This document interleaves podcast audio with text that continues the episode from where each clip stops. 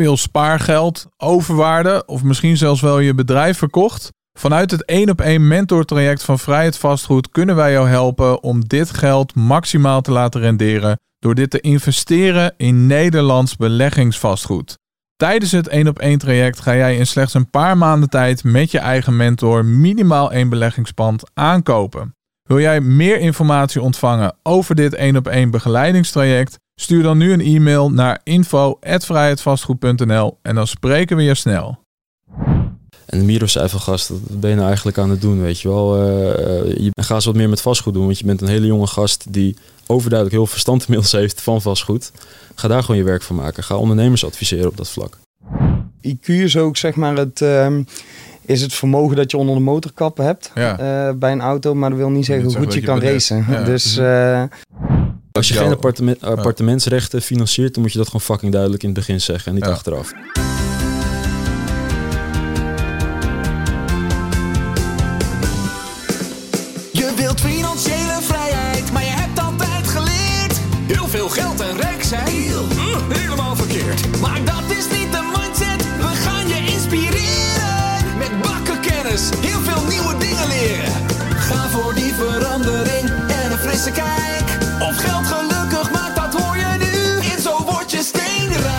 Ja, dat hoor je nu in Zo Word Je Steenrijk. En het is weer een eh, nieuwe week en een nieuwe aflevering. En met mijn gasten van vandaag, dat zijn twee topondernemers. Ze geven business coaching en ze willen Nederland eh, sterker maken. Zowel fysiek als ook financieel qua vermogen. Eh, ze versturen betaalde mails. Nou, wat daar precies in staat en waarom mensen bereid zijn om daarvoor te betalen, dat wil ik heel graag weten. En ze organiseren hele toffe events voor zowel mannen als vrouwen. Ik heb het over mijn gasten van vandaag, Miro Vermeeren en Jur van Groeningen. Welkom. Yes, Yes. Zitten jullie goed? zeker. Het was even zoeken naar de juiste, juiste positie. Maar het is gelukt. het is gelukt. Heren, zijn jullie steenrijk? Ja.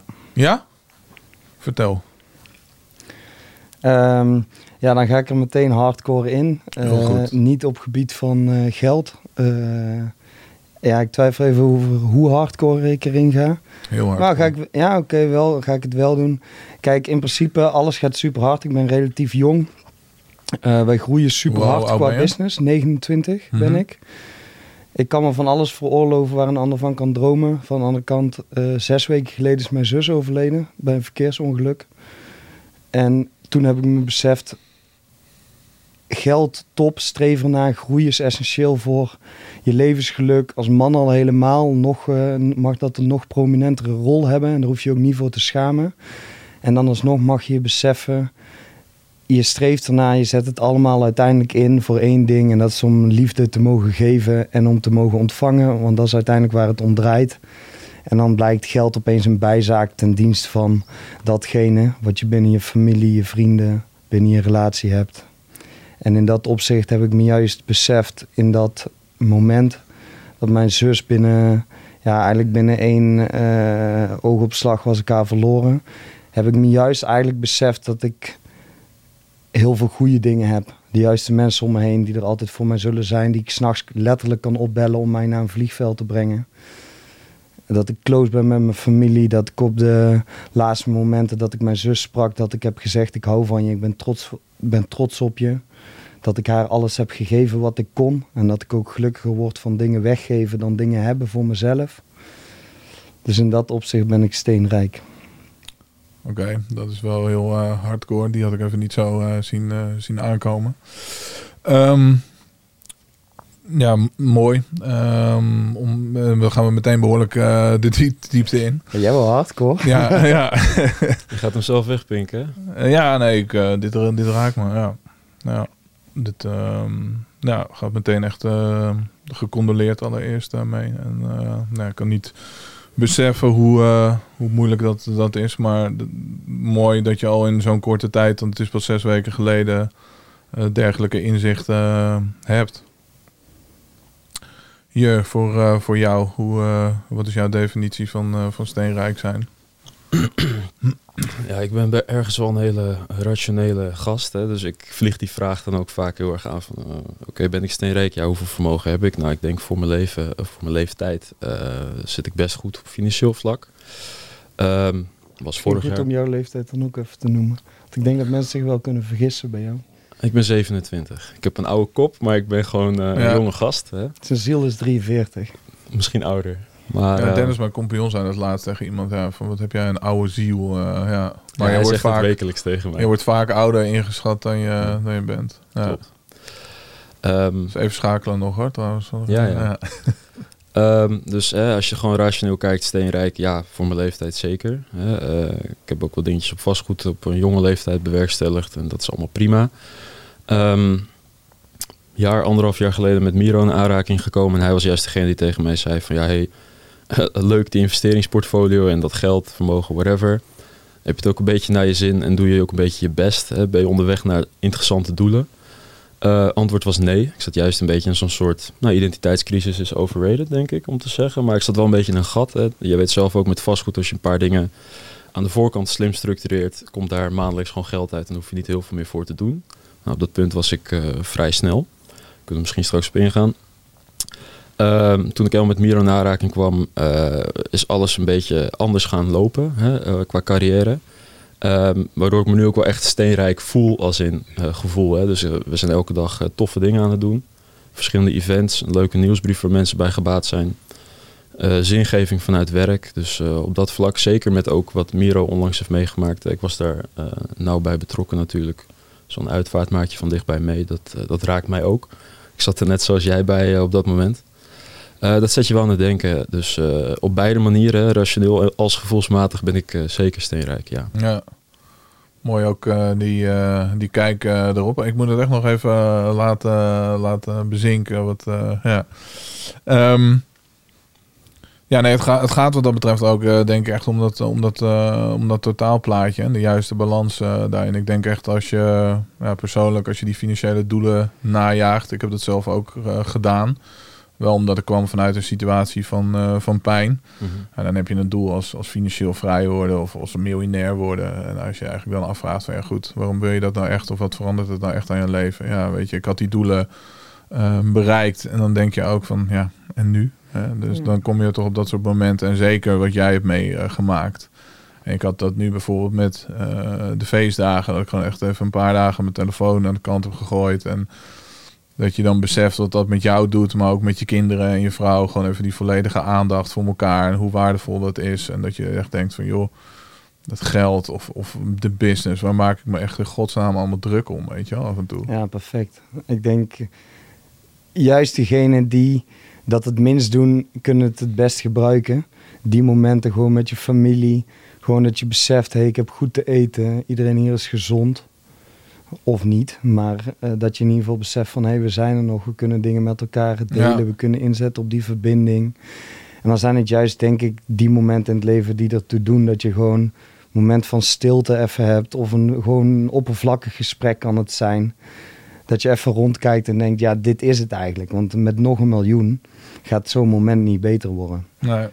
En eh, in zo'n moment zit ook juist dat je beseft van... hé, hey, ik heb doelen. Ik heb grote doelen. Ik streef die na eh, volgens mijn potentie die ik heb. Ja, Ik ben goed onderweg daar naartoe. We zijn aan het groeien en that's it. Groter wordt het ook niet, denk ik. nee. Ja, wat, wat zijn eh, jouw doelen of jullie, eh, jullie doelen? Ehm, ja, op verschillende vlakken. Ik zou in ieder geval het willen vasthouden wat betreft hoeveel zingeving ik op dit moment ervaar. Ehm, als je het heel rationeel wil. hoe of, meet je dat? Eh, ja, ik zou mijn leven nog steeds wel, misschien voelt dat tegenstrijdig aan wat ik net zei, maar ik zou mijn leven nog steeds wel een 9 geven. Ik denk dat dat een meetpunt voor mij is. Als ik tussen 1 en 10 zou moeten stellen en ik ga op een duur zeggen van nou ik vind het een 7, dan is het voor mij te laag. Ja, je streeft wel echt richting die 9 of, of eh 10. Er zijn mensen, ik denk dat je weet wie ik bedoel, die zeggen van eh, als je altijd die 9 of 10 eh nastreeft, dat, dat, dat, dat kan niet op alle, alle gebieden. Je Ja, Ilko misschien- Smit bedoel je denk ik, of niet? Ja, maar ook Tibor. Oké, Ehm, ja, ik las eh, op die, meer ook volgens mij wel vaker zeggen, als ik, ik- hoop dat ik het niet eh, verkeerd zeg nu, hoor, maar die zeggen van ja, je kan beter bijvoorbeeld op eh, alle vlakken een, eh, een solide 7 bijvoorbeeld scoren. Ehm, Ja, Of- je vier, haalt- keer- vier keer een 8 zegt hij volgens mij. Oké, nou dat zou ja, kunnen. Ja. ja. Of je haalt op die ene een 9 of een 10, maar dan betekent dat dat je ergens anders de prijs betaald hebt. Hoe, hoe kijk jij daar tegenaan dan? Ja, ik begrijp heel goed wat hij zegt.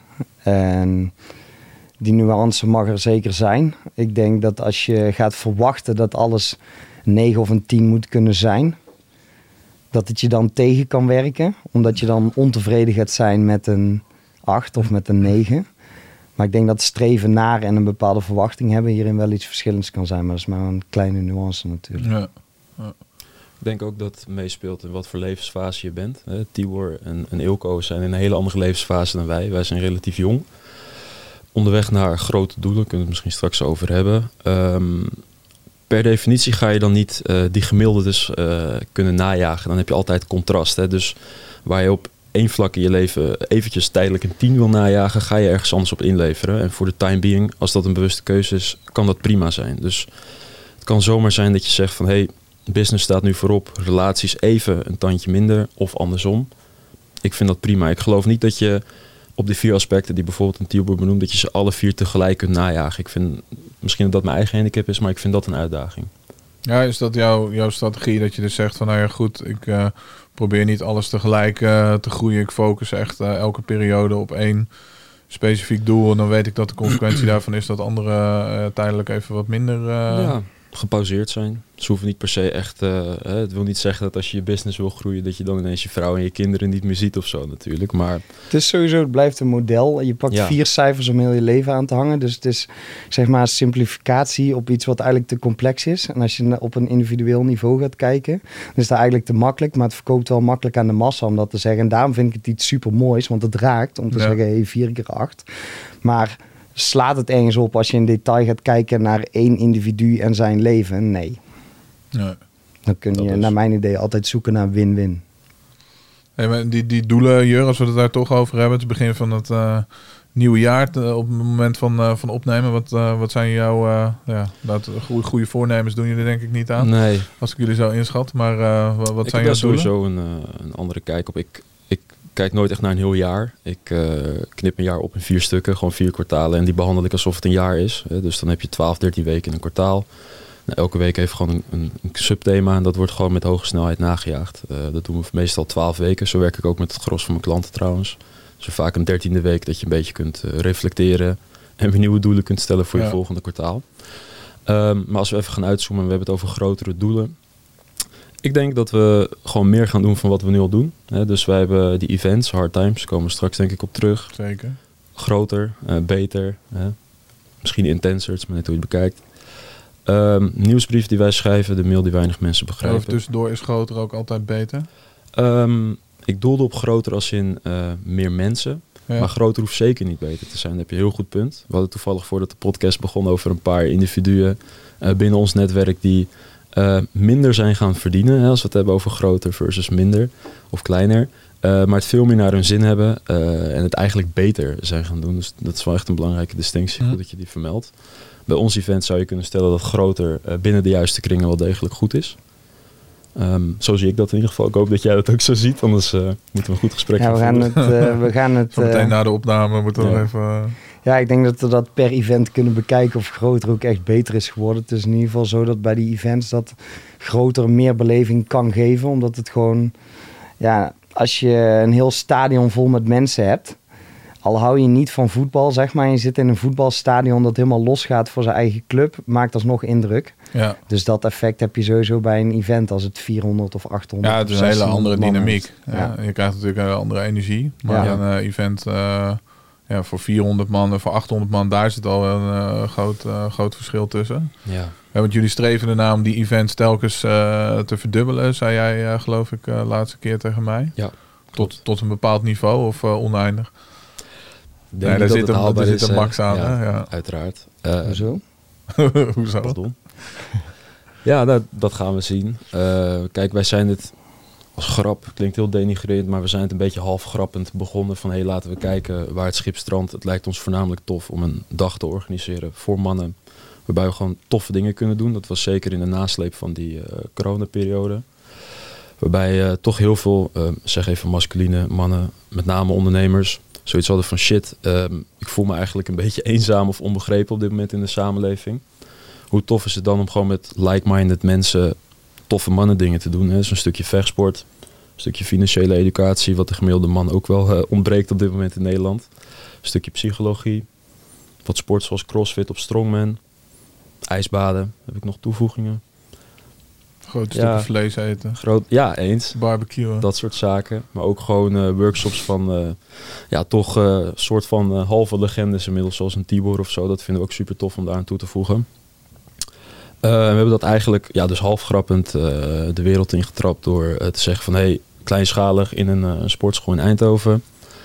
Ehm, wie heeft hier behoefte aan? Nou, binnen no time was het uitverkocht en hebben de tickets moeten afkappen. Ehm, dat was een succes. Een keer daarna was ook direct uitverkocht. Hè. Toen hebben we het verdubbeld van 80 naar 160 tickets. Ehm, dat was ook een succes. Ja, en nu verdubbeld naar 320. Misschien dat we nog eindigen op 400, maar we hebben nu een beetje het luxe probleem van het past niet. Qua locatie. locatie, dus logistiek ja. wordt een grotere uitdaging dan de ticketverkoop. Ja. Ja. Maar ja, dat zijn inderdaad luxe problemen, wat je al eh, zelf zegt. Maar de- dat event was dus eigenlijk een beetje uit nood eh, geboren ten tijde van corona, dat mensen bij jullie kwamen. Maar jullie signaleerden ook wel misschien bepaalde dingen waarvan jullie dachten van nee, daar willen we graag wat, eh, wat aan doen. Wij denken dat we daar een verandering in, in kunnen, kunnen brengen. Hoe, eh, hoe zou je de huidige man eh, omschrijven? Wat is dan een beetje het wat jullie eh, signaleren en wat vinden jullie ervan? Ja, ik ben benieuwd wat je- de doelgroep van deze podcast, of de luisteraars van deze podcast, hoe die ernaar kijken. Misschien is het voor hen compleet nieuw, zo'n blik erop. Dat durf ik niet helemaal te stellen. Ik weet niet wat jij nu gaat vertellen als er... ja. Nou, ik denk in ieder geval wel dat je een trend ziet dat eh, mannen over het algemeen eh, zwakker worden. En dat de twee eh, genders meer naar elkaar toetrekken. Of dat we zelfs gaan ontkennen dat er biologisch gezien een verschil is tussen man en vrouw. En ik denk dat dat wel allerlei problematiek of uitdagingen in ieder geval oplevert binnen een maatschappij. Hoeft niet op individueel niveau te zijn. Ik vind dat op individueel niveau wil je een bepaalde vrijheid van invulling zeker laten. Alleen ik denk maatschappij breed dat je wel een grote trend ziet van eh, mannen die in een bepaalde rol eh, worden gevormd of eh, zelfs geduwd waar ze niet perfect in passen en een hoop vrouwen ook.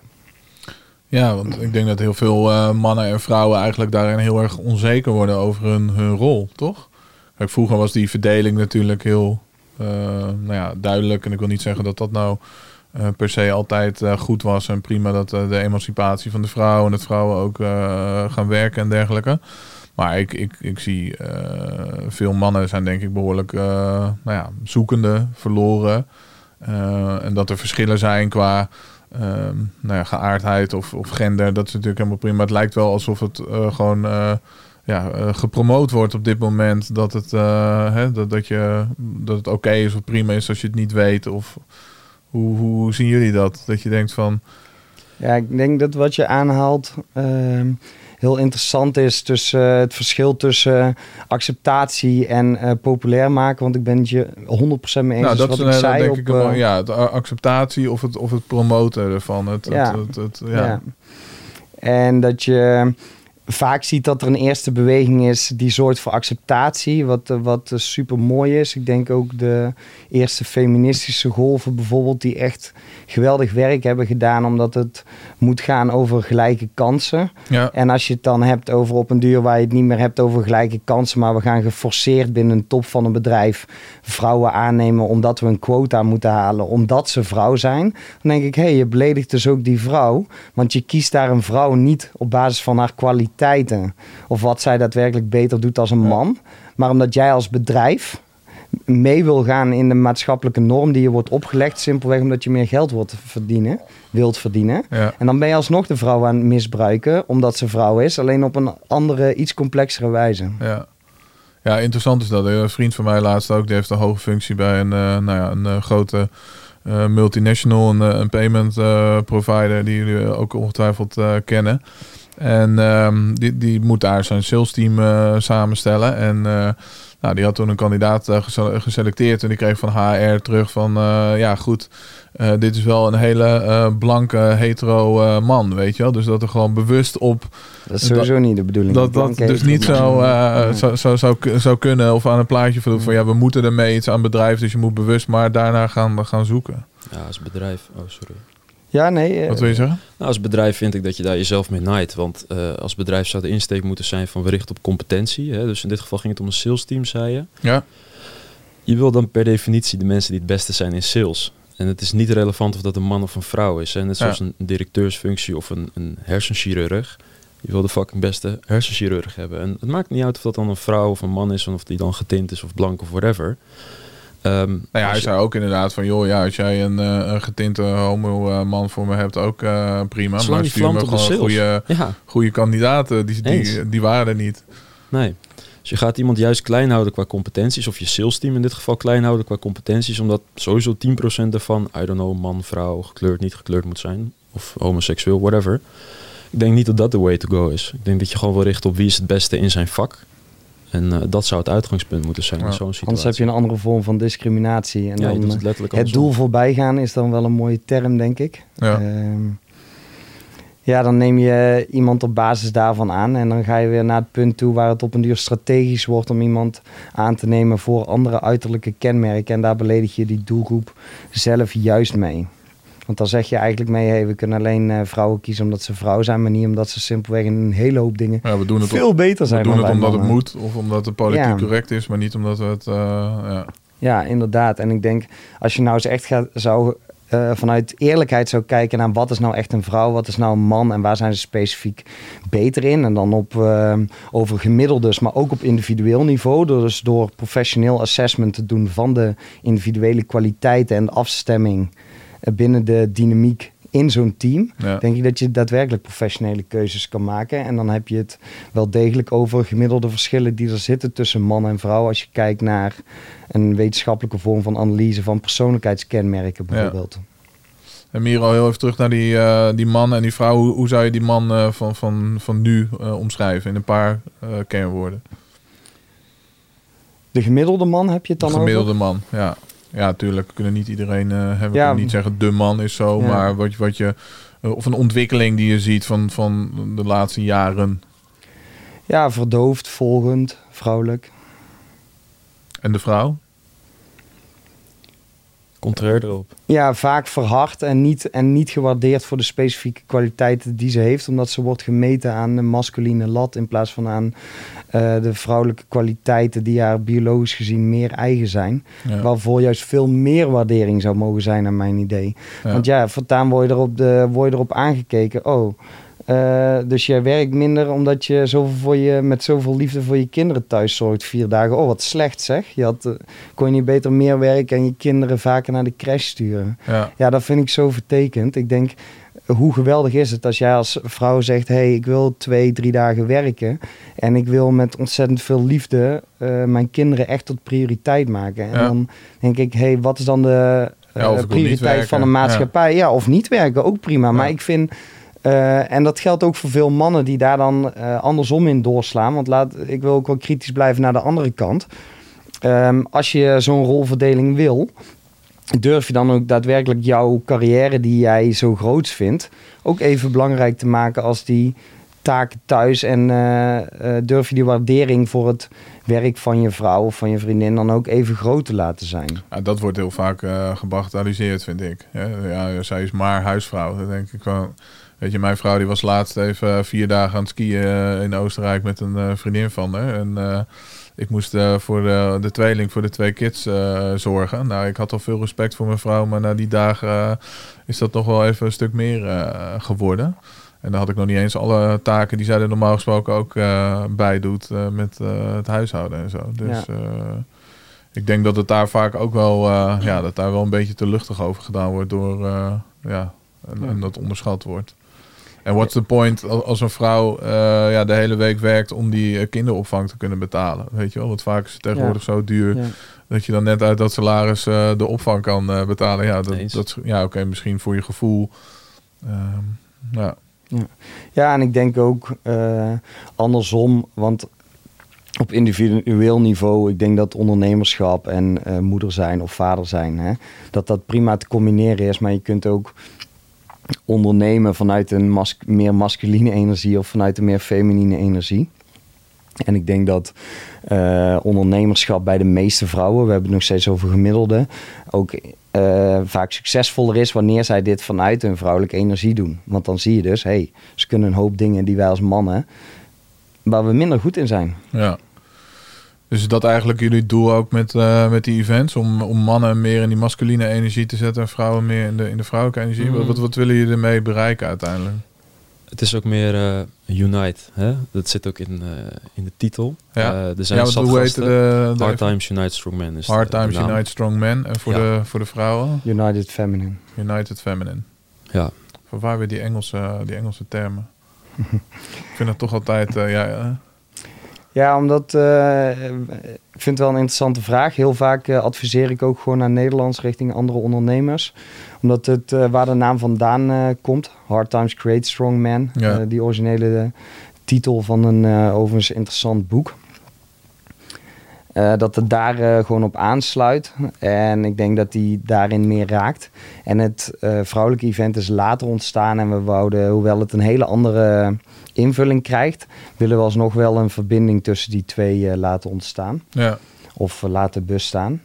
Ja. En vandaar het Engels. ja, Om terug te komen op je vraag. ja, ehm, ja. Het is niet onze intentie om mensen te kneden of een bepaalde richting in te duwen. Het is meer eh, een plek waar eh, ja, een stukje broederschap, in het geval van de mannen dan, ontstaat. En waar mensen kunnen verbinden met elkaar. Ja. Dat is misschien ook een bruggetje naar die, eh, die e-mails die wij schrijven. Er zijn ontwikkelingen in de wereld die niet iedereen eh, even goed begrijpt of niet even goed kan plaatsen. Ja, als jij eh, zelf misschien een eh, enigszins eh, recalcitrante, misschien ondernemende, misschien masculine gast bent, kan ik me best voorstellen dat je jezelf niet helemaal begrepen voelt in deze, deze tijd. Ja, hoe relaxed is het dan als je naar een event kan waar 320 of misschien 400, zijn we nog niet helemaal over uit, eh, andere gasten zijn die ongeveer zo denken als jij, waar je gewoon mee kunt sparren over verschillende dingen. Plus Ja. een toffe tijd kunt hebben. dat is meer de Eh, insteek. Beseffen van, eh, goed, ik ben niet, eh, ben niet de enige die er zo over denkt of er zo eh, in zit of deze struggles heeft. Ja. Of, eh, Ja, maar is dat, is dat een jullie idee om daar een soort van movement te creëren? Een soort van community? Of? Ja, ik, eh, ja, wij waren wel verbaasd. We gingen eh, onderzoek doen eh, over waarvoor kom je nou echt naar zo'n event. Hè? Dus we zijn dat gaan vragen onder de bezoekers van zo'n event. En ik denk 80% van de antwoorden was gewoon ja, ehm, connecten met like-minded people. Ja, En ze komen niet voor het coolste, het langste ijsbad of voor de vetste speech of... eh, het, bijzonder eh, is dat, hè? Dat hebben we ook inderdaad altijd bij onze events krijgen we dat ook terug. Ja, het netwerken. En dan denk je, ja, wat is het netwerken dan? Ja, wij hebben gefaciliteerd, we hebben een datum geprikt, een locatie geregeld. En Ja. gezorgd dat er meerdere mensen eh, van dezelfde doelgroep inderdaad daar. Ja, Ja, en alsnog doe je wel. eh, kijk, je wil inhoudelijk gewoon mega sterke workshops. En het is ook essentieel, hè, want anders eh, gaat zo'n event nog stuk lopen. Alleen uiteindelijk die verbinding, dat ene contact wat iemand al op kan doen, hè, die ene persoon die die ontmoet, die opeens diezelfde visie heeft, die hem kan stimuleren, waarmee hij een bepaalde accountability heeft. Of wij zagen na het eerste event al dat er WhatsApp-groepen ontstonden die nog steeds in leven zijn, waarbij die gasten elkaar stimuleren om eh, een beter leven te bouwen. Ja, dat dat gewoon eh, alsnog het belangrijkste blijft. ja. mooi. Niet alleen op onze events trouwens. Ehm, ik moet ineens denken aan een etentje wat wij een keer deden voor onze businessklanten. Eh volgens mij hebben we dat nog helemaal niet benoemd, maar wij eh, begeleiden ondernemers of coachen. Omdat Ja. dat het inmiddels een beetje een vies woord is. Ondernemers eh, naar meer snelheid, eh, structuur, zingeving, dat soort zaken. En wij eh, nodigen wel eens wat van onze klanten uit voor een etentje. En wij hadden een keer op kantoor bij ons eh, een etentje voor 15 of 20 man georganiseerd. Die gasten komen binnen en wij bedachten ons van fuck. Hebben we eigenlijk wel een goed programma voor ze bedacht. We hadden gewoon sushi besteld en we dachten van hé, hey, eh, we gaan even kort, eh, moet iedereen zichzelf gaan pitchen en dan bedenken ter plekke nog wel iets tofs. Wij stonden een beetje te stressen in de keuken van gaat het wel goed? En ondertussen, we hadden net zo goed naar huis kunnen gaan. Die gasten, die, je kan ze in een kartonnen doos stoppen met z'n twintigen. En ze gaan toch wel verbinden en netwerken met elkaar. En dat is waar het voor hun om draait. Ja. En dat zie je ook terug op onze events. Dus ja, Ik eh, we willen geen kartonnen feedback doos hebben. Van joh, er was geen waardevol eh, programma. Nee, Eh, maar dat was voor ons gewoon ook een niet hebben van, van een programma is het programma. Jur had ook niet zo goed door hoeveel ik al voorbereid had. Oh, Dat heb ik nooit. Nee, Nee, dus maar ja. Maar dat is mooi om, eh, Ja. om te zien. Ja. Nee, want jullie doen dus eh, nou ja, die, die, die eh, betaalde mails. Daar kunnen we het zo meteen nog over hebben. Business coaching geven Ja. jullie en jullie organiseren die, die events. Mhm. De coaching, dat is eh, voor de duidelijkheid eh, één op één. Hè? Want je hebt een Ja. beetje een eh aversie Uitgesproken, tegen ja. uitgesproken mening over eh, nou ja, een, eh, een online cursus eh, bijvoorbeeld. Ik heb er niet per se echt iets snoeihard op tegen. Ik heb meer iets tegen eh, de positionering van bepaalde cursussen. Hè. Dus als jij een cursus in de markt zet of positioneert als of pitcht als een soort van endgame. Hè, van hey, koop mijn cursus en je kunt ineens eh, snoeihard vastgoed beleggen. En in de praktijk zie je dat het een mooie opstap is met een gestandaardiseerde kennis. Maar vervolgens komt daar een soort van als vervolgstap maatwerkoplossing aan te pas. Hè? Want Ja. jij bent Martijn en ik ben Jur en dit is Miro. Drie verschillende situaties. Aangenaam. Ehm, wij zijn alle drie gebaat bij zo'n cursus als in de, de basic kennis. Ja, Maar ehm, ja, hoe het vervolgens toegepast moet worden op mijn individuele situatie. Ja. Op basis van hè, mijn beleggingshorizon, mijn leeftijd, mijn risicobereidheid, stressbestendigheid, dat soort factoren. Ja, er zal altijd een één op één element in verwerkt moeten worden in Ja. mijn optiek. ja. Dus in principe eh, prima als je een cursus verkoopt, hè, dat zeg ik ook wel eens. Maar positioneer het dan niet als een eindproduct, maar meer als iets wat een interessante opstap ja, is een richting basis, meer. eh, ja. dat je een kader hebt, een stuk context. En, en Ja. dat je vanuit daar, als je dat wil, als je dat interessant vindt, eh, kan Ja. verder, eh, verder bouwen. Ja. Kijk, als ondernemers, eh, jij snapt het net zo goed als wij, een product-ecosysteem is natuurlijk dat gewoon weet iets ik waar... niet. Ik denk dat jullie het net iets beter snappen dan ik, denk ik. Maar dat Ja, je, hoop je maakt ik er wel gebruik van, van een product-ecosysteem. Ja, Als nee, in, klopt. Maar daar, kan nog genoeg in verbeterd worden. Hmm. Maar Oké. ik, ik doe ook mijn focus en, en passie ligt voornamelijk op het vastgoedvlak en bij jullie ja, op de business coaching. Dus bij jullie moet die ook wat. ja. eens. Maar goed, ehm, ik weet niet of we nu helemaal in detail moeten gaan over een product-ecosysteem. Maar het is eh, zo dat je een cursus dusdanig tactisch kunt positioneren om meer klantwerving te krijgen. Of meer klantbinding misschien zelfs. Ik denk dat het daarvoor zou moeten dienen, maar dat het niet een soort eindproduct eh, zou moeten zijn. Als in het enige wat je verkoopt. Nee. Ik denk niet dat dat werkt. Ik denk dat eh Thijs Verlangen daar een mooi voorbeeld van is. Klant van mij, die volgens mij hier ook heeft gezeten. Zeker. Waarvan zijn pod- zijn podcast goed Ja. ontvangen werd. Ja, hij heeft dus nu ook besloten van... Hey, eh, ik verkoop eigenlijk iets wat niet schaalbaar is. Hè. Een stukje, ja, het is niet echt coaching. Het is meer begeleiding op het gebied van pensioensopbouw. Je gaat een middag met hem zitten. ja. ja, ik heb dat zelf ook eh, Ja. gedaan. Super waardevol. Ja. Maar de beste man heeft het zo druk dat wij op een gegeven moment wel gewoon hebben bedacht van... Hey, kunnen we niet iets van een masterclass creëren waarbij eh, meer mensen daarmee aan de bak kunnen? Hè? Dus ze krijgen gewoon alle kennis die Thijs heeft, maar alleen de kennis en niet de toepassing van kennis. Kunnen ze zelf flink aan de bak met hun eigen situatie. En als ze dan nog vragen hebben, of echt aan de bak willen één op één, kunnen ze altijd nog aanschuiven bij Thijs. Maar er is het wel een soort effectief filtermechanisme voor Thijs vanuit een business perspectief van hey, ik hoef niet meer een shitload aan intakegesprekken te voeren met iedereen waarvan misschien de helft converteert naar een, een uiteindelijke klant. ja. Dat is voor hem een voordeel. En heel veel klanten, er zitten ook heel veel assertieve mensen tussen die denken, fuck it, ik neem die cursus of die masterclass. En daarna red ik me wel, want ik ga het gewoon zelf allemaal uitvogelen. ja. Maar hij loopt er niet mee te kopen alsof het een soort van endgame is. En dat zie je bij heel veel van die cursusbasis, zoals ik ze noem, wel terug.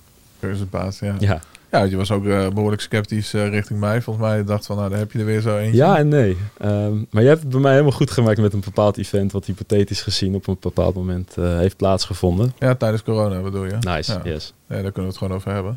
Ja. Ja, ik dacht Ja. ik probeer nog subtiel te zijn, maar dat, daar heb je zeker punten mee gescoord. ja, Ik ben ook om die reden erheen gegaan, niet per se om, om een cursus of iets voor je te kopen. gewoon puur het feit dat ik iets organiseerde toen in die Ja. tijd.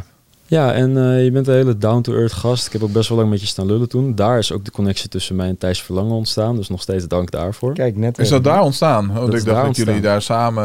eh, ja, eens, maar hij slide een keer eh, brutaal in mijn DM... omdat hij het interessant vond wat ik doe op het gebied van vastgoed.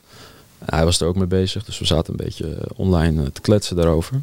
Toen had ik hem uitgenodigd om eh, mee te gaan naar jouw event. Hè, want hij had ook zoiets van, ja, wat de fuck moet ik nu doen in die coronaperiode? Je zit alleen maar thuis. Ja, dat was er bijna niks. Daar is een hè? beetje die, eh, dat partnership tussen ons eh, ontstaan. Oh, super nice. Ja. Ja. ja. en hij eh, vertelde daar een beetje wat hij deed. En toen, ja, ik, ik kende hem toen verder nog niet. En ik Nee. zei wel van, heel leuk, uh, kom erover praten in, in de podcast. Wat nou ja, achteraf gezien echt een ja, gouden greep was. Want ik denk echt dat dat een van de beter beluisterde en ontvangen podcasts eh, is geweest. Dus eh, Er kunnen veel ondernemers heel Tof. veel van leren ook. Ik, Ja. bedoel, ik wil Thijs niet te veel veren in zijn kont Ja, ik steken. wou zeggen, Nee, je moeten moet het even die een beetje, affiliate met eh, ja. Thijs gaan hebben. Thijs, als je dit hoort, jongen, dan ja, eh, de factuur komt verwacht, een mail. Ja. Ja, ja wat, wat kunnen mensen dan van Thijs eh, verlangen leren, vind jij? Mm, weten wanneer het genoeg is, hè, financieel gezien. Dus Ja. hij gooit bewust een rem op zijn klanten, omdat hij een bepaald target heeft voor zichzelf als in een x aantal dagen eh, facturabel werk Ja. en that's it. Dat is een interessante. Hij weet precies wat zijn eh, persoonlijke sterke punten zijn. Hè. Dus eh, wij coachen heel erg vanuit de Big Five. Daar kan Miro straks weer iets over vertellen. Thijs heeft heel goed door dat hij een charismatische, extraverte gast Ja. is met eh, vakinhoudelijk hele sterke kennis. Nou, koppel dat aan een goed aanbod. Hè. Twee keer terugverdiengarantie volgens mij binnen dezelfde dag, binnen hetzelfde boekjaar. Ja, dan heb je gewoon een ijzersterke dienst natuurlijk. Ja, En vervolgens gewoon zorgen dat je klanten altijd tevreden zijn. En dat wordt vanzelf een lopend vuurtje. Ja. En dan af en toe nog wat content erbij. En je hebt eigenlijk een, eh, een hele gevaarlijke combinatie eh, vanuit Ja, het is business gewoon een goede waardepropositie. staan. Hele sterke Ja. waarde. En heel eerlijk, ook gewoon een eh, hoop blijft altijd, want we hebben het altijd over succesfactoren. Eén ding is ook gewoon geluk. Die gast heeft gewoon een goede kop. eh, Ja. Vlotte babbel, gecombineerd met het juiste IQ. Als je die, eh, ja, Ja, als je maar je moet wel nog steeds dan, weten eh, hoe je dat eh, maximaal kan, eh, kan benutten natuurlijk. Zeker. En wat ik mooi vind inderdaad, wat Ja. jij zegt bij hem, van eh, wanneer is genoeg genoeg, dat hij gewoon zegt van, ik wil twee dagen of zo in de week eh, werken. Dat was het tenminste. Misschien heeft hij Ja. het ondertussen wat Ik heb hem wel Ik heb wel het inmiddels. idee dat hij eh, met, met eh, nou, de, het succes van de, de zichtbaarheid daar wat moeite nu mee heeft om dat eh, Ja. nog steeds zo te houden. Maar eh, hij, eh, het wa- het was geloof ik twee dagen in de week dat hij zei van dan wil ik werken en de rest van de tijd ja, wil ik gewoon voor mezelf. Hij heeft ook eh, kinderen toch? Ja. Hij heeft één kind. Ja. Ja. Klopt. Mooi. En wat ik heel sterk vind als eh, laatste toevoeging daaraan is... eh, ik kan nu grappen van hij neemt coaching bij ons af. Maar hij staat eh, heel erg open voor feedback van mensen die hij hoog heeft zitten. En Ja. dat is ook wel een hele sterke eigenschap, vind ik. Ja, want wat is dan, eh, als we het daar toch over hebben, ehm, nou, het, eh, de ideale, hoe noem je dat, coachie? Eh, iemand die gecoacht eh, wordt. Ehm, Want sommige mensen zijn ook gewoon ja, niet coachable, zoals je dat noemt. Die luisteren Klopt. gewoon niet of zijn heel eigenwijs. ja, dat is misschien een leuke brug naar Big Five. Ja, die wilde ik ook hierna doen, maar eh, ja. Ja, ehm, ik denk dat we eerste distinctie is eigenlijk op welk level je coacht. Want als je, je hebt eigenlijk coaching en je hebt consultancy. Dus dan ga je heel erg op de informatie zitten. We noemen het nog steeds coaching, maar dan is het eigenlijk consultancy. Ja. Hè? Dus we gaan zitten op het level van informatie. Je kunt ook gaan zitten op het level van probleemoplossing. Dus oké, we zien hier het probleem en we geven je niet de informatie aan, maar we leren je hoe je zo'n probleem tackelt. ja. En we zouden ook nog kunnen gaan zitten op identiteitslevel. Dus eh, wie ben jij nu op dit moment, waardoor je het resultaat hebt wat je nu hebt. En wie zou je als persoon moeten zijn, waardoor je het resultaat krijgt wat je eigenlijk echt wil hebben. En dan maakt het niet meer uit welk probleem je daarin voert, want dan gaat diegene vanuit identiteitslevel Hm. zichzelf zo bouwen als iemand die die problemen oplost vanuit de juiste probleemoplossing. ja. Dus ehm, daadwerkelijke coaching zit eigenlijk op dat identiteitslevel. En het stukje ehm, ja, waar we het hier hebben over identiteitslevel of over eh, informatie, over die cursusbaasjes. Dat is vaak informatielevel wat zich voordoet als coaching, wat het niet is. ja. En eh, ja, wat is dan een ideale klant? Ik denk dat dat dus ook verschilt naarmate van wat je verkoopt, Ja. op welk level. En, eh, maar als we het al hebben over jullie business, gewoon de, de één op één coaching, wat is dan Ja. een ideale klant? Ideale klanten voor ons zou denk ik wel zijn bovengemiddeld IQ. Ambitieus, enigszins eh, willen werken, maar ook begrijpen dat eh, geld niet alles is. Maar dat kan je natuurlijk ook eh, bijbrengen. Ja. En nog heel even over die de Big Five. Wat zijn die, Ja. die vijf?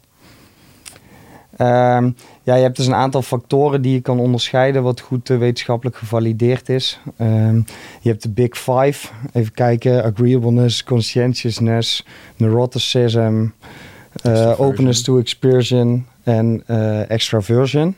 En dan heb je, volgens mij had ik ze alle vijf nou toch? Ja. Ehm, ja, die Vraag kun je heel goed... te herhalen, maar... eh, nee, maar dat zijn, eh, zijn een aantal zaken die je goed kan onderscheiden in iedereen zijn persoonlijkheids... In iedereen zijn persoonlijkheid. Dat zijn die vijf kenmerken. Je kan ze nog verder opdelen. Alleen aan de hand daarvan kan je heel veel zeggen over iemand zijn persoonlijkheid. En zeker gecombineerd met eh, kernwaarden. En als je iemand zijn IQ weet, dan kun je heel veel over een persoon zeggen. Voor mij persoonlijk, ik denk voor ons zou ideaal zijn eh, als je gewoon een goed IQ hebt, een bepaalde gedrevenheid om te werken. Eh, en voor de ideale ondernemer zie je vaak een bepaalde stresstolerantie. Een bepaalde eh, level van intellect, dus ook geïnteresseerd zijn in complexe zaken. Mhm. Omdat je dan eh, vaker werkt vanuit een grotere visie en niet zozeer gaat micromanagen. Maar er zijn een hoop nuances bij waar we nu niet op eh, ingaan, omdat elk voordeel binnen een persoonlijkheid ook weer een nadeel brengt en andersom. Ja.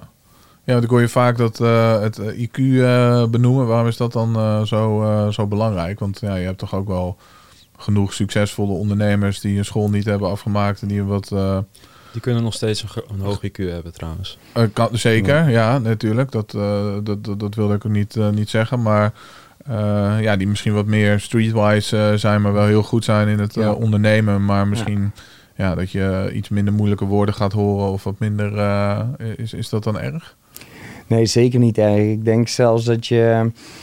ehm, ik vind het juist heel mooi om te zien eh, als dat zo is.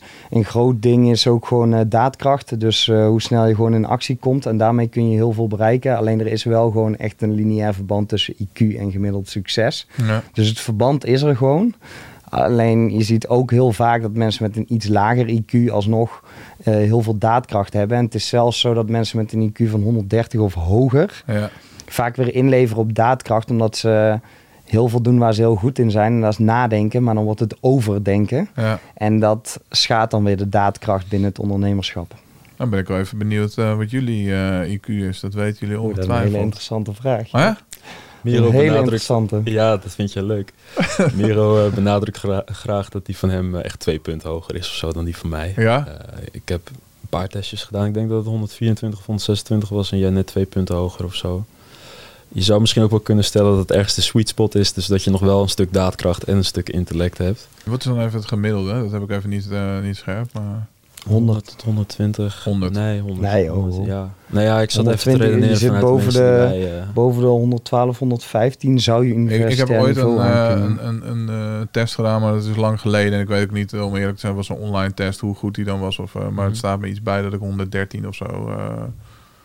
Eh, maar dan Ja. eh, ma- mag ik door jullie gecoacht worden dan? Of, eh? Ja, zeker. Dan kom je, kom je er net doorheen. ja? Nee, alleen... ehm, ja, er zijn dus heel veel nuances bij, want persoonlijkheid doet heel veel. Alleen het wordt steeds een unieker profiel wanneer iemand... Wij hebben er enkel in coaching hoor, die eh, gewoon een IQ van eh, 137 en dan alsnog sociaal gezien ook heel sterk komen opdagen en qua uitstraling. Nou, maar dat is wel, zie wel, wel uniek. Ja, mensen dat wordt in- steeds zeldzamer. in mijn omgeving die inderdaad eh, eh, een stuk intelligenter zijn en eh, ongetwijfeld hoger IQ hebben dan ik, maar dan wel inleveren op dat sociale eh, Ja. vlak. Ja. Terwijl ik denk dat als ondernemer in business dat ook een heel belangrijk aspect is natuurlijk. dat je kan communiceren, verkopen, eh, dat soort Eens, dingen. Ja. Daarentegen hebben we ook een enkeling ertussen zitten die van zichzelf ook weet van joh, ik ben totaal niet snugger om het maar even oneerbiedig te zeggen. Het is niet helemaal hetzelfde natuurlijk. Maar die zegt het ook over zichzelf van joh, Jur, ik ben niet de meest slimme jongen, maar ik doe gewoon heel veel. En ik doe meer dan de meeste mensen, dus meer dingen gaan mij ook lukken dan de meeste mensen. Let's go. Maar dan ben je toch slim. Ja, ja. ergens wel. Ja, Ja, klopt. Ja, maar IQ is ook, IQ is ook zeg maar het, ehm, is het vermogen dat je onder de motorkap hebt Ja. eh, bij een auto, maar dat wil niet zeggen hoe goed je kan racen. Ja. Dus eh, eh, ja, je, kan, je kunt een eh, aap in een Lamborghini zetten, maar dan komt hij nog niet heel ver. nee. Nou, we kunnen het een keer proberen. Ik wil wel lachen. Ja. Misschien op ons volgende event. Met uh, aandelenselectie eh, zijn die apen ook eh, goed, toch? Met die Ja, dat klopt. eh, dus. Hey, tof allemaal. Dus ehm, jullie zijn nu anderhalf jaar samen aan het werken? Ongeveer? Iets korter. Korter nog. Ja. Eh, dat is niet altijd zo eh, geweest. Jij komt Ja. uit eh, de, de, de fitnesshoek, toch, Miro? Ja, klopt. Ik ben eh, zeven jaar geleden ongeveer, iets langer, ben ik eh, gestart als eh, fitnesscoach, zelfs eh, bodybuildingwereld. Eh, dat is snel uitgegroeid tot een eh franchise concept. Dus Mhm. waarin eh, andere coaches ook actief werden binnen die organisatie, Ja. startende organisatie toen nog. Vanuit daar ben ik eigenlijk op een vrij natuurlijke wijze omgeschoold dat ik ondernemers ging coachen. Alleen simpel was vooral eerst vraag en daarna aanbod. Dat is heel lang zo gebleven. Ja, hoe is dat precies gegaan? Nou, ik was bezig met die, eh, met die eh, fitnessonderneming. Dat ging per ongeluk al best wel heel goed. Ja. Eh, alleen ik was vooral nog met andere zaken bezig.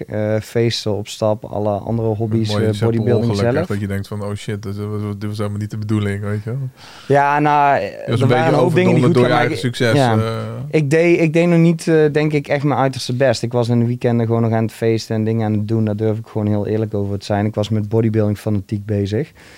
En ik had zoiets van, hey, ik ben eh, een hoop dingen aan het doen. Maar er blijft eh, weinig van over. Of er blijft veel minder over dan zou kunnen. En toen eh, heb ik eigenlijk mijn, een hoop van mijn laatste geld... in ieder geval bij een business coach neergelegd.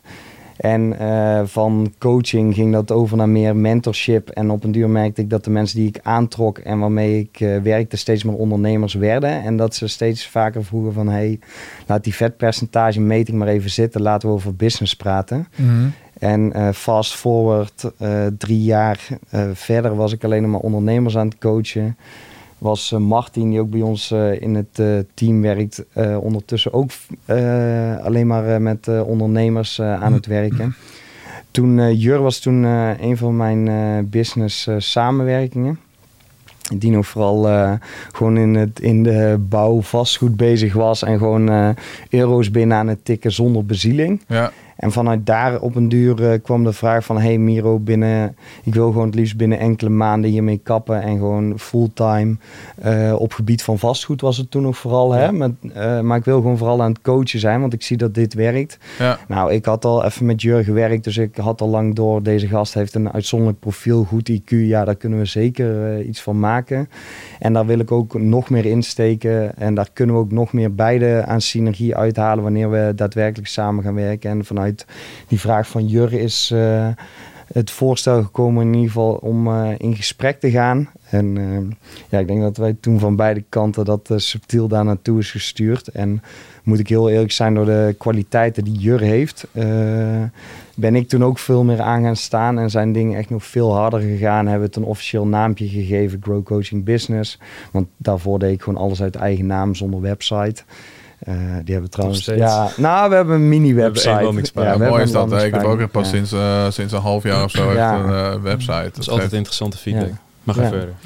Ja, maar vanaf daar zijn we gewoon veel harder gegaan. Zijn er nieuwe concepten ontstaan. Ja. Ben ik een keer op story iets gaan roepen over eh, Hard Times Tonight Strong Man. Of ja, we, toen, we gaan een dag voor mannen doen. Ja, Eh, de eerste keer zijn we met die mail zijn we gestart.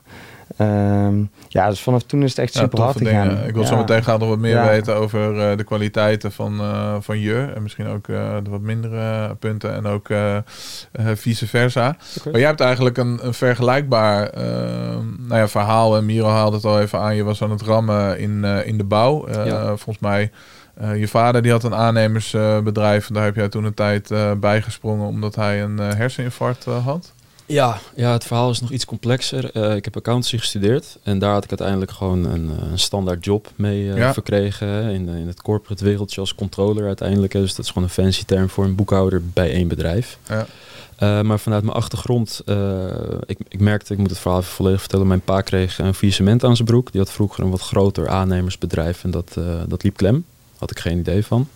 Maar hij snapte daar de ballen van. Dus uiteindelijk kon ik vanuit mijn achtergrond wel een beetje met een curator en een belastingdienst dingen afwikkelen, zodat hij een doorstart kon maken. Ondertussen werkte ik gewoon nog op kantoor. Ehm, maar goed, ik zat daarvoor 2000 euro in de maand of iets in die richting.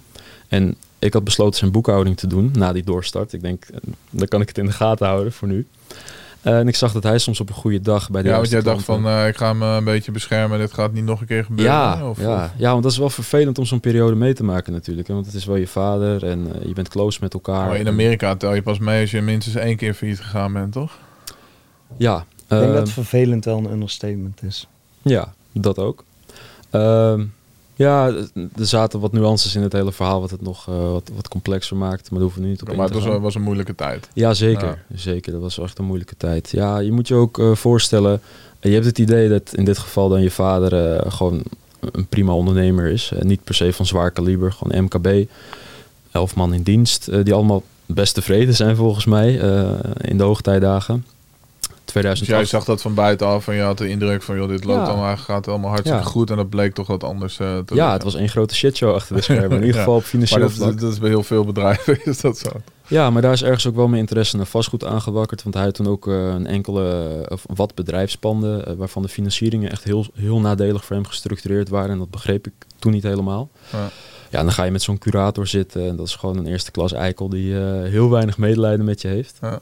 Nou goed, uiteindelijk af kunnen wikkelen eh, met een betalingsregeling en zo. Dus toen moest er ook ineens veel geld binnenkomen. Nou, de beste man kon een doorstart maken, top. Eh, en ik bleef zijn boekhouding doen. En ik zag ineens wat er binnenkwam na die doorstart met de juiste klanten. Ja. En ik hey, dat ga ik ook doen. Dus toen heb ik per direct mijn baan opgezegd. en ik dacht van, nou, dan kan ik gezellig met mijn pa in de bouw een tof bedrijf opbouwen. Dat duurde ongeveer twee weken, want toen kreeg hij een herseninfarct. Klein detail is wel dat wij net in die periode ertussen een groot project hadden aangenomen. Ja, en als je die eh, aannemingsovereenkomst hebt getekend, dan moet je wel leveren. Dus dat is wel eventjes eh, spannend dan. Hè. Ik was toen 20, nee, ik was ouder. Ik was 21, 22 denk ik. Dan komt er best wel veel op je af natuurlijk. Eh, uiteindelijk is dat project goed gekomen. Ehm, en het is best wel een klein wereldje wat betreft eh, ja, vastgoedregisseurs noemen ze dat dan. Dat zijn de mensen die dus voor kleinere transformatieprojecten de verbouwingen regelen. En eh, ja, toen was wel gewoon de boodschap van... hé, er is een relatief jonge gast die flink gas aan het geven is met een klein ploegje. Ja. Heeft een kutperiode achter de rug, maar competent baasje, doet zijn ding. Projecten worden op tijd afgerond. Communicatie is prima en je hoeft heel eerlijk ook niet echt een intellectueel hoogstandje te zijn om eh, te floreren in de bouw. Je moet gewoon je afspraken nakomen, that's it. En Dus dat, kwaliteit eh, dat hoge IQ is daar wat minder eh, belangrijk. Dat, dat was of dus juist wel. Ik vond het wel grappig. Bij- Misschien jezelf onder- was dat jij, jij maakt. zo onderscheidend vermogen. Ja, Ehm, dus dat liep goed. En eh, toen ook relatief veel geld kunnen verdienen op een relatief jonge leeftijd. waar hebben we het dan over? Eh, ton, anderhalf ton jaarwinst vanaf mijn Er zijn mensen die het 22e. niet verdienen. Wat zeg je? Ik zeg, er zijn mensen die het niet verdienen. Klopt. Ja. Ja, en dan hebben we het wel echt eh, over winst onderaan de streep. Ja, je was natuurlijk nog heel jong, wonen misschien zelfs nog eh, thuis. Of eh konden Ja. in ieder geval veel van dat Ja. geld opzij Ja, zetten. klopt. Ik had nul kosten, of praktisch nul. En ik had ergens, along the way heb ik Rich Dad Poor Dad gelezen, wat toevallig daar lag, of daar ligt. Niet toevallig, hè? Nee, weet ik. Ehm, maar goed, gelezen en ik wist wel van, hé, hey, de bouw is top. Leuk. Hè? En een tijdje deden we ook grotere projecten. bij de winkels zoals Swiss Sense mochten we elke week locatie doen. Super vet. Maar eh, ik wil niet de rest van mijn leven moeten backvechten met werknemers die van elkaar hun boormachine hebben gejat of zo. Weet je? Dat, dat word je na een tijdje wel zat. Ehm, toen kwam ik uiteindelijk... Nee, dat is trouwens niet waar. Ik had eerst mijn vastgoedstuk geregeld. Toen kwam ik Miro tegen. Ik besefte me op een gegeven moment van... Hé, hey, wat kan ik doen in de bouwsector wat minder gezeik met zich meebrengt... en misschien meer geld of hetzelfde geld... En toen eh, keek ik best wel kritisch om me heen van ja, wie verdient in deze sector nou echt grof geld? En dat zijn vaak niet de aannemers, soms wel. Maar meestal de mensen die het pand bezitten dat verbouwd wordt. Toen dacht ik van hé, hey, eh, zeker naar aanleiding van Rich Dad Poor Dad misschien gewoon vastgoed aankopen. En kijken waar het schip strandt. Ja. Ik had natuurlijk wat middelen. Dus toen eh, een eerste pand gekocht. Dat ging goed. Gelijk het tweede pand gekocht. Dat ging iets minder, want ik had niet echt een idee wat ik aan het doen was. Hè. Ik had gewoon ballen en ik probeerde het. Ja, want je je, wel. je, je, je gaf aan eh, dat je ook wel wat dure fouten hebt eh, gemaakt in Ja, het vastgoed. dat tweede pand was een eh, dure fout. Was dat Ja. die van foutje van 30k? Of, Ja, ja ik, ik denk tussen de 25 en 30k ongeveer. Ik, ik durf het nooit helemaal terug te rekenen, want die, die is behoorlijk pijnlijk. wat dat is er heeft me- misgegaan dan?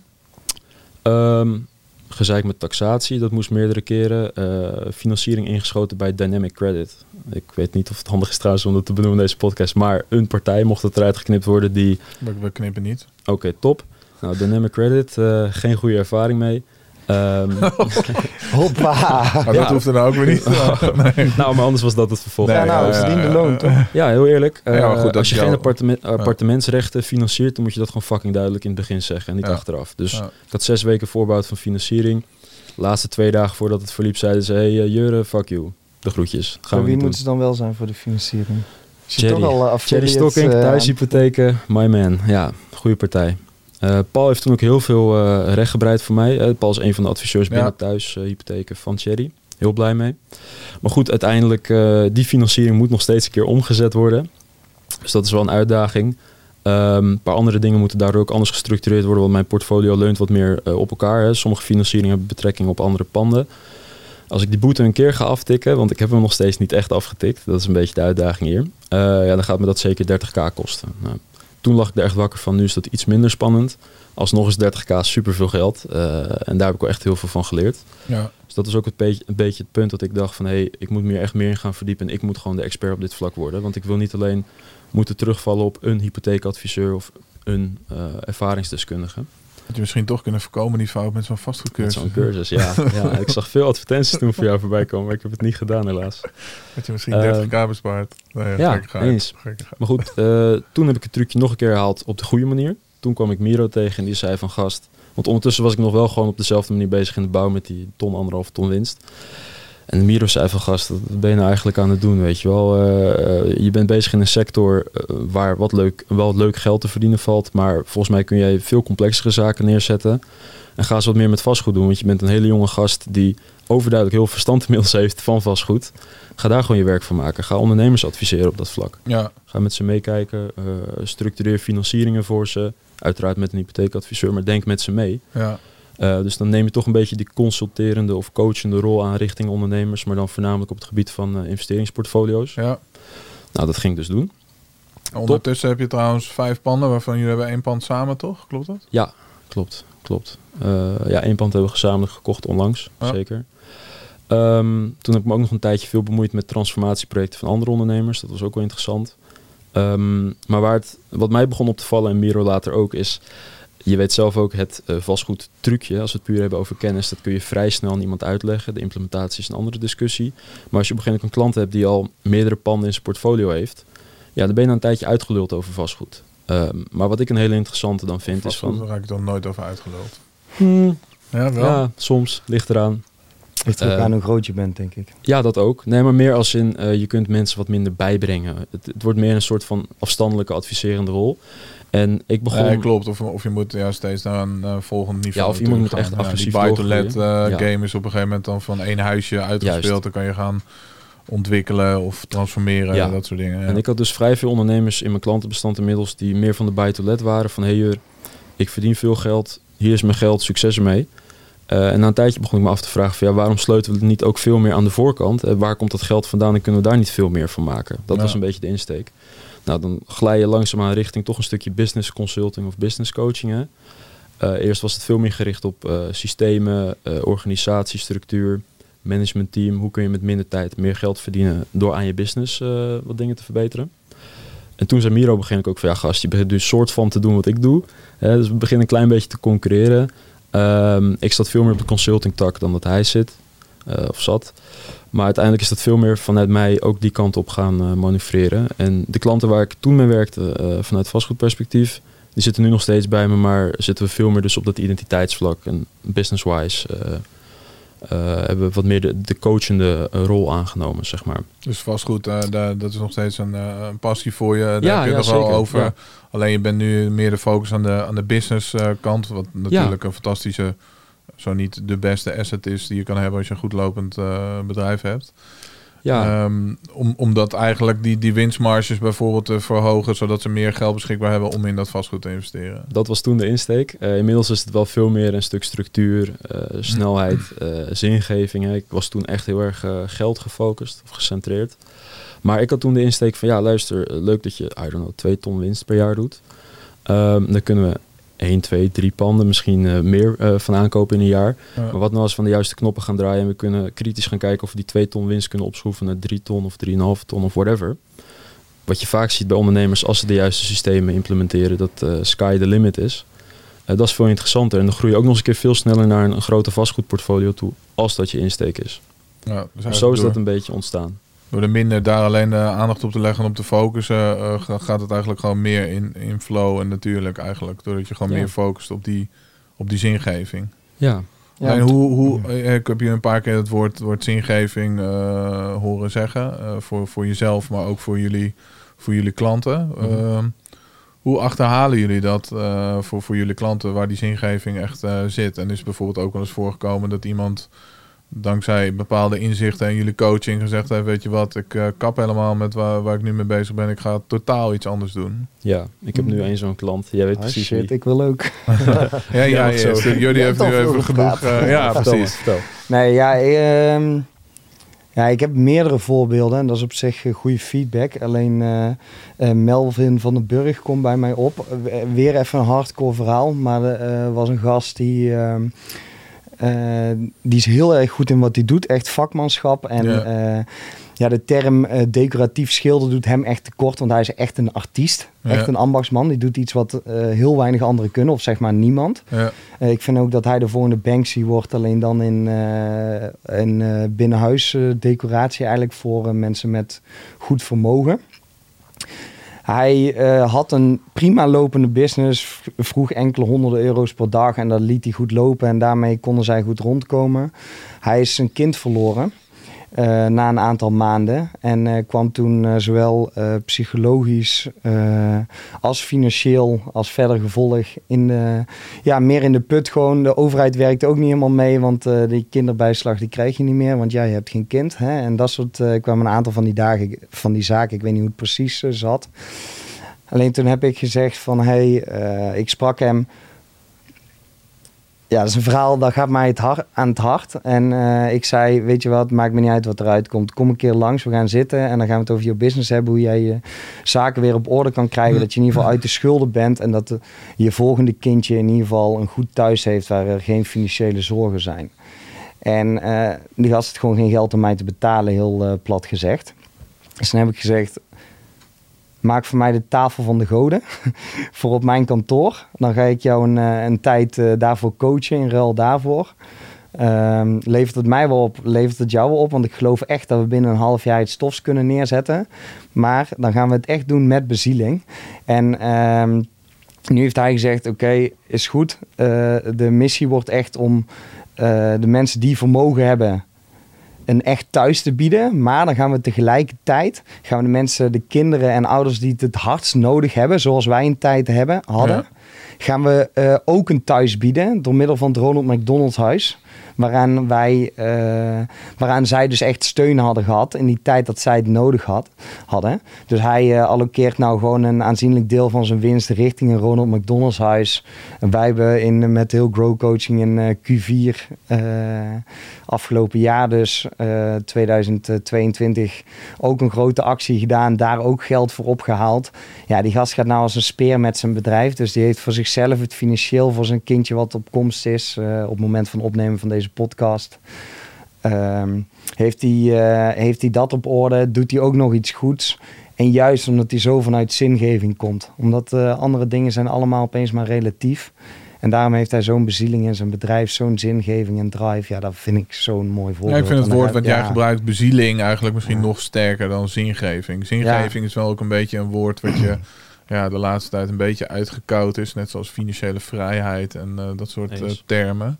Helaas, coach. Ja. Ehm, Business coach. ik heb het nu tegenwoordig vaker over keuzevrijheid in plaats van financiële vrijheid. Want ik denk dat dat eh, is waar het echt om gaat. Dat je de Ja. keuze hebt om wel te werken of niet. De keuze hebt om wel de wereld te gaan rondreizen of, of wat dan ook. Eens. Maar dan ben je toch, toch super steenrijk. Als je iets, iets kan doen waar je goed in bent, wat je leuk vindt. Ehm, waardoor je voor jezelf en je gezinnetje kan zorgen. En ook nog bij kan dragen, terug kan geven aan iets wat jou in het verleden geholpen heeft. En waar jij veel steun aan hebt eh, gehad. Ja, ik denk dat dan dat je dan toch de cirkel helemaal eh, ja, rond Ja. hebt. Ja, als je het dan. eh, want je hebt dus eigenlijk waar we over spreken is rijkdom als in wereldsucces, dus geld, macht, status. En dan zien we daarnaast ook nog gewoon rijkdom als in geluk. En dan komt eh eh, zelfdeterminatietheorie naar boven. Dat is autonomie, binding eh, en competentie. En als je daarnaar kijkt, dus autonomie is een stukje vrijheid op alle manieren. Binding, de relaties die je hebt en zelfs een stukje binding met jezelf. En competentie is ergens goed aan zijn en ergens waar je goed in bent, daarmee iets bijdragen richting je naaste omgeving en de wereld. Ja. Ja, als je die drie op een goed level kunt aftikken, dan heb je sowieso je rijkdom qua geluk te pakken. En ik denk dat dat eigenlijk de zaken zijn die jij net noemt. Ja, alleen de focus ligt misschien toch vaak op dat financiële deel, omdat dat meer meetbaar is in getallen. En, en geluk en zo, dat dat gewoon ja, moeilijk, Ja. eh, moeilijker meetbaar is. Of hoe verklaren jullie dat? Dat toch Hmm. vaak weer die focus op dat, dat financiële succes, macht, eh, hoe noem je het? Geld, status. Ja, wereldsucces, dus Ja. geld, macht, status. Ja. Ik denk dat ook meespeelt is het eerste wat jij benoemd hebt, dus het geld mag status stuk, is eh concreet en meetbaar. Ja, precies, dat is wat je zei. Ja. Dat, dat speelt heel erg mee. Van hey, eh, mannen gaan over het algemeen goed op eh, een stukje progressie, snelheid en het overkomen van weerstand. Het Ja. is niet voor niks dat de meeste mannen graag naar de sportschool gaan, om die redenen onder andere. Ehm, ik denk dat geluk eh, iets is wat je eerder moet ervaren. Hè. Dat is iets wat ik ook heb eh, ervaren de afgelopen, het afgelopen jaar voornamelijk. Hè. Dus ik, ik, ik ben ergens een hele rationele gast en ik ga met veel klanten juist eh, sparren over geldzaken. Ja, volgens mij zit jij net als ik wel redelijk nou ja, veel in je hoofd rationaliseren en dat soort. Ja. Eens? Wat minder in je, in je, in je gevoel. Zeker. Ja. Toevallig hadden wij, wanneer was ons event vorige week? Zaterdag uit mijn hoofd. Er kwam één klant tijdens onze speech eh, even de boel onderbreken om te vertellen van... hé hey man, eh, jullie zijn echt life-changing dingen aan het doen. Jur, ontzettend bedankt voor het afgelopen jaar dat we samen hebben kunnen sparren. Want het is echt levensveranderend geweest voor mij. Ja. Ja, toen stond ik daar echt met een brok in mijn keel. Ik heb niet zo vaak een brok in mijn keel. Dus Ja. dat zijn van die dingen die je soms ook moet ervaren om het echt te begrijpen. Ja. ja, en dat zijn wel de momenten dat je denkt van ja, weet je, hier doe ik het voor. Hier kom ik elke dag mijn bed voor uit. Dit is mijn drive. Nu ben ik steenrijk. Ja. Maar wat was dan voor jou, want je zegt met name vorig jaar, wat is dan voor jou dat je zegt van nou dat moment, dat Ehm, heeft wel echt een inzicht gegeven of dat was wel echt een turning point? Ja, het zijn meerdere kleine turning points geweest, of kleinere, kleine inzichten, denk ik. Eh, maar wat bij mij echt de switch is geweest, is eh, in plaats van echt alleen euro's najagen, ook met een stukje bezieling dingen gaan doen. Had je niet eerst zoiets bij Miro, ja, bezieling, bezieling, ik wil gewoon kaarden euro's verdienen man. Eh, Nee, want ik was er achter gekomen van, hey, ik ben relatief jong en ik heb wat euro's. En je komt ergens op zo'n punt dat je in ieder geval jezelf je basisbehoeftes kunt voorzien zonder dat je per se hoeft te werken, zeker door middel van vastgoed. Ja, en dan? Dat was in ieder geval het punt wat ik had van, ja, oké, en nu? Ik ja, dan, heb je, dan begint te passen eigenlijk. Ja, want heel veel Eens. mensen zien die keuzevrijheid, financiële vrijheid, hoe je het wil noemen, als een, Ja. als een eindpunt. Klopt. Maar ik denk dat dat eigenlijk het nulpunt is. En dan heb Ja. je voor jezelf dus een situatie gecreëerd waarin je die keuzevrijheid hebt, maar vooral heel veel ruimte hebt om vanuit eh bezieling en zingeving dingen te gaan doen en te gaan, eh, te gaan ondernemen. Ja, ik denk dat wij ook wel een match waren, omdat ik... eh, en nu komt het misschien over als ik een soort eh, zweverige gast ben, maar eh, wilde hetgene het wat meetbaar zeggen, is... maar, eh, hetgene, nee, maar hetgene wat gewoon meetbaar is, is gewoon geld. Dus ik zit wel gewoon op, op euro's. En dan zou je kijken naar gemiddelde binnen de maatschappij. Dan zit ik nog steeds rationeler dan 99% eh, van de mensen. En eh, heb ik ook echt mijn best moeten doen om zeg maar ook gevoelsmatig dit stukje toe te voegen. Ja. En dan recente gebeurtenissen zetten dat wel een stroomversnelling, dat besef. Ja. ja, dat zal misschien alleen nog maar eh, met Ja. de tijd eh, meer, eh, meer worden. Ja. Ja. Heren, wanneer is jullie ehm, missie eh, geslaagd met de business coaching en de, en de events? Wanneer zeggen jullie van, nou ja goed, als we dat bereikt hebben, dan eh, zijn we steenrijk 2.0 of eh, nou ja, wat dan ook. Als jullie later groot zijn. Maar Nou dan ja, zijn we groot. We hebben toffe doelen. Eh, we zijn eh, op eh, hoge snelheid onderweg naar onze doelen. Dus ik denk ergens dat we er al zijn vanuit dat perspectief. Die doelen verschuiven steeds en wij zijn blijvend onderweg. En dat is eigenlijk gewoon waar ik zou willen zijn altijd. Ik vond het ook wel mooi dat je van aan het begin van, van ja, eigenlijk gaan we niet zo heel veel anders doen. We willen gewoon blijven doen waar we, waar we mee Ja. bezig zijn. Dat is lijkt mij toch ook echt heerlijk. Want het moet altijd, hebben we het idee, groter, meer nieuwe doelen, gekker. En, eh, maar het is toch ook heel fijn, dat geeft toch ook rust. Je gewoon zegt, nou, we zijn gewoon lekker bezig. We gaan gewoon lekker daarmee, eh, daarmee door. Ja, Ja, gewoon een stukje ruimte bewaren. Ik merk wel voor mij zeker. eh Jur eh, die stelt wel dat ik ook een beetje de rockster ben. Hè? Dat ik van rechts, links overal dingen fix en doe. En daar ben ik heel erg effectief in. Ja, Alleen eh, ik heb wel gewoon een bepaalde vrije ruimte nodig. En als ik die heb, dan ga ik juist dingen online zetten of eh, op nieuwe ideeën komen. eh, om weer nieuwe toffe dingen te doen of wat we doen beter te houden. En het is ook een handicap juist voor ons, denk ik, om weer iets nieuws toe te voegen. ja. Dus eh, wat we nu hebben kan, kan altijd groter, beter, mooier. Dus eigenlijk wat jullie hebben, dat nog verder uitbouwen, verbeteren. Ja. En, en juist door niet alles helemaal vol te plannen, ruimte te hebben voor spontane. Ja. Ja. Ja, en het eerste wat ik ook dacht was, eh, ja, we zijn daar al, het is al geslaagd. Eh, natuurlijk juist omdat we weten van, hé, hey, we hebben nog grotere doelen. Ja, waar kom je dan uit over een jaar of tien? Ik denk wel bij eh, flink vermogen, groot platform. Ik denk wel een stukje vastgoed en misschien paspoort op verschillende, in verschillende delen in de wereld. Gesprekken met nog interessantere mensen die eh, nog grotere dingen bouwen. En nog meer verbindingen tussen mensen aan het creëren. Ja, ik denk dat. Mooie dingen. Jij nog wat aan toe te voegen, je? Nee, dat was hem aardig.